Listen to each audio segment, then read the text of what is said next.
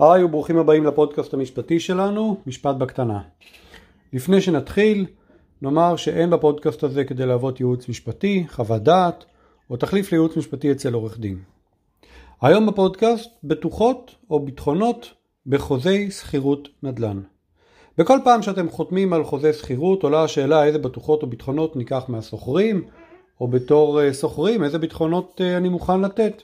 כסוחרים אתם רוצים לתת ביטחונות שהעלות שלהם נמוכה כמה שיותר. כפי שמיד נסביר, יש עלויות שונות לביטחונות שונים. כמזכירים, אתם רוצים לקבל את הבטוחה שאפשר לממש אותה בקלות ובמהירות במקרה הצורך. את הבטוחה החזקה ביותר. עולה השאלה, מה הביטחונות האלה צריכים להבטיח? את זה צריך לכתוב כבר בחוזה השכירות. האם הבטוחה צריכה להבטיח רק את תשלום דמי השכירות במועדם ובמלואם? אולי להבטיח את יציאת הסוחר מהנכס בצורה תקינה? האם להבטיח את הקיום של כל ההתחייבויות של הסוחר על פי הסכם השכירות? צריך להגדיר את זה, צריך להתייחס לזה, כי יש לזה משמעות ביום שבאים לממש את השכירות. אז בואו נזכור בקצרה איזשהו מדרג של בטוחות מקובלות אה, בהסכמי שכירות. הבטוחות הטובות ביותר והחזקות ביותר הן ערבות בנקאית אוטונומית או פיקדון כספי שהסוחר מעביר לבנק של המשכיר. הערבות הבנקאית האוטונומית היא בטוחה מצוינת. ככל שיש לכם בעיה, מתעוררת בעיה עם חיוב שהסוחר לא עומד בו והערבות נועדה להבטיח אותו, פעולה פשוטה של פנייה לבנק עם הערבות ובתוך מספר ימים הערבות ממומשת ומקבלים את הכסף בחשבון. אפשר אפילו לממש רק חלק מכספי הערבות. למשל אם הסוחר פינה את הנכס וגרם לנזקים למושכר בשווי של נניח 30 אלף שקלים, בואו בוא נניח איזשהו נכס קצת יותר גדול מדירת מגורים, יותר רציני, ולנו יש ביד ערבות של 70 אלף שקלים. פונים לבנק ומבקשים לממש ערבות בסך 30 אלף מתוך ה-70, ואת היתרה אחרי שהם מממשים אפשר להחזיר לסוחר.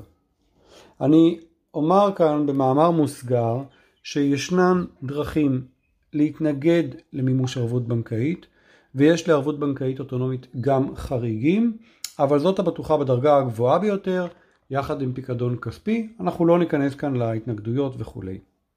פיקדון כספי כשמו כן הוא כסף שהסוחר מפקיד אה, בחשבון של המשכיר שאמור להיות מושקע באיזשהו פיקדון סולידי לפי הנחיות הסוחר ונועד שיהיה מקור כספי בטוח וודאי למימוש למקרה של הפרה.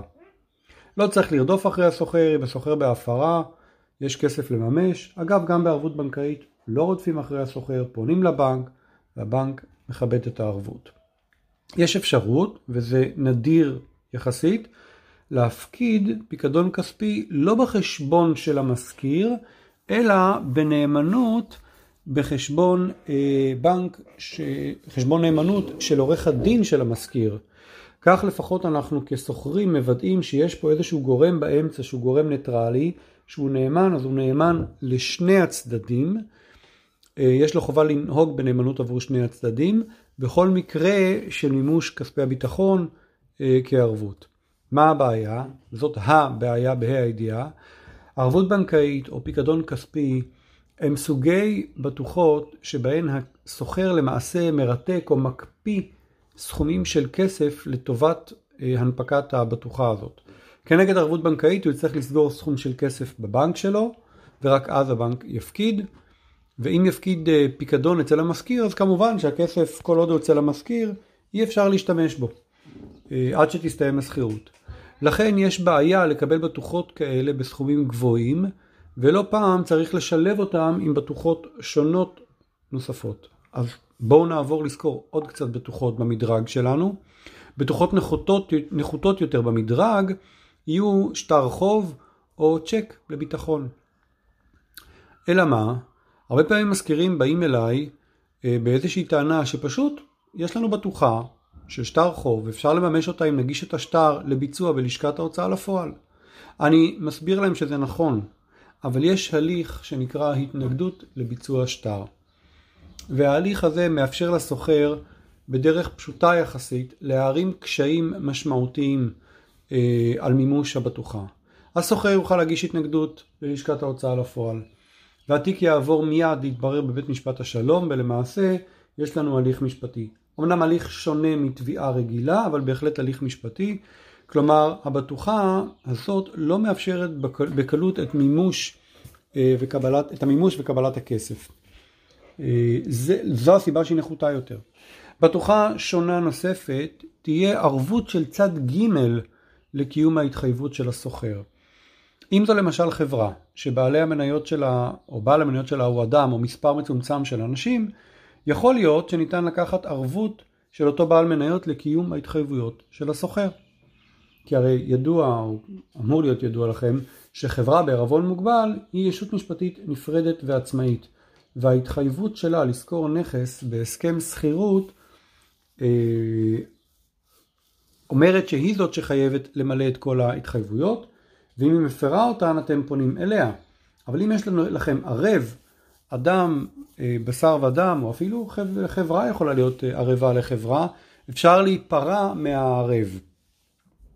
אה, אם למשל מדובר בנכס למגורים, או נכס מסחרי פשוט, כמו חנות למשל, ייתכן שאפשר לקחת איזושהי ערבות מצד ג' שהוא קרוב, משפחה למשל של הסוחר, או, או מישהו בסגנון הזה.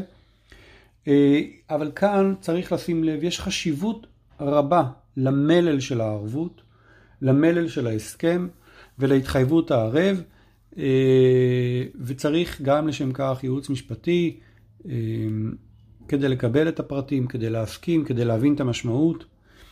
זה אגב מוביל לחלק מהסיבות שבגללן צריך גם לעשות הבחנה בין נכס שהוא נדל"ן למגורים לבין נכס מסחרי או תעשייתי, שם סוגי הבטוחות הן קצת שונות אה, והסכומים שאפשר לקבל הם שונים. לסיכום, אה, אי אפשר וממש לא רצוי אה, לעשות אה, הסכם שכירות ללא ביטחונות, רק צריך לחשוב תמיד בזמן חתימת החוזה איך מוודאים שניתן יהיה לאכוף את ההתחייבויות באמצעות מימוש הבטוחות האלה. הפערים אגב בין הצדדים במשא ומתן הם שיכתיבו את היכולת לקבל בטוחות שונות. ככה גם היכול, הנכס ככל שהוא אטרקטיבי יותר, יקר יותר, במצב טוב יותר, גדול יותר, לוקיישן וכולי, אה, יאפשר לקבל בטוחה חזקה יותר. זהו, זה על קצה המזלג. אני עורך דין גדעון גולדשטיין, אשמח אה, לעמוד לשירותכם. המשך יום טוב, מקווה שלמדתם.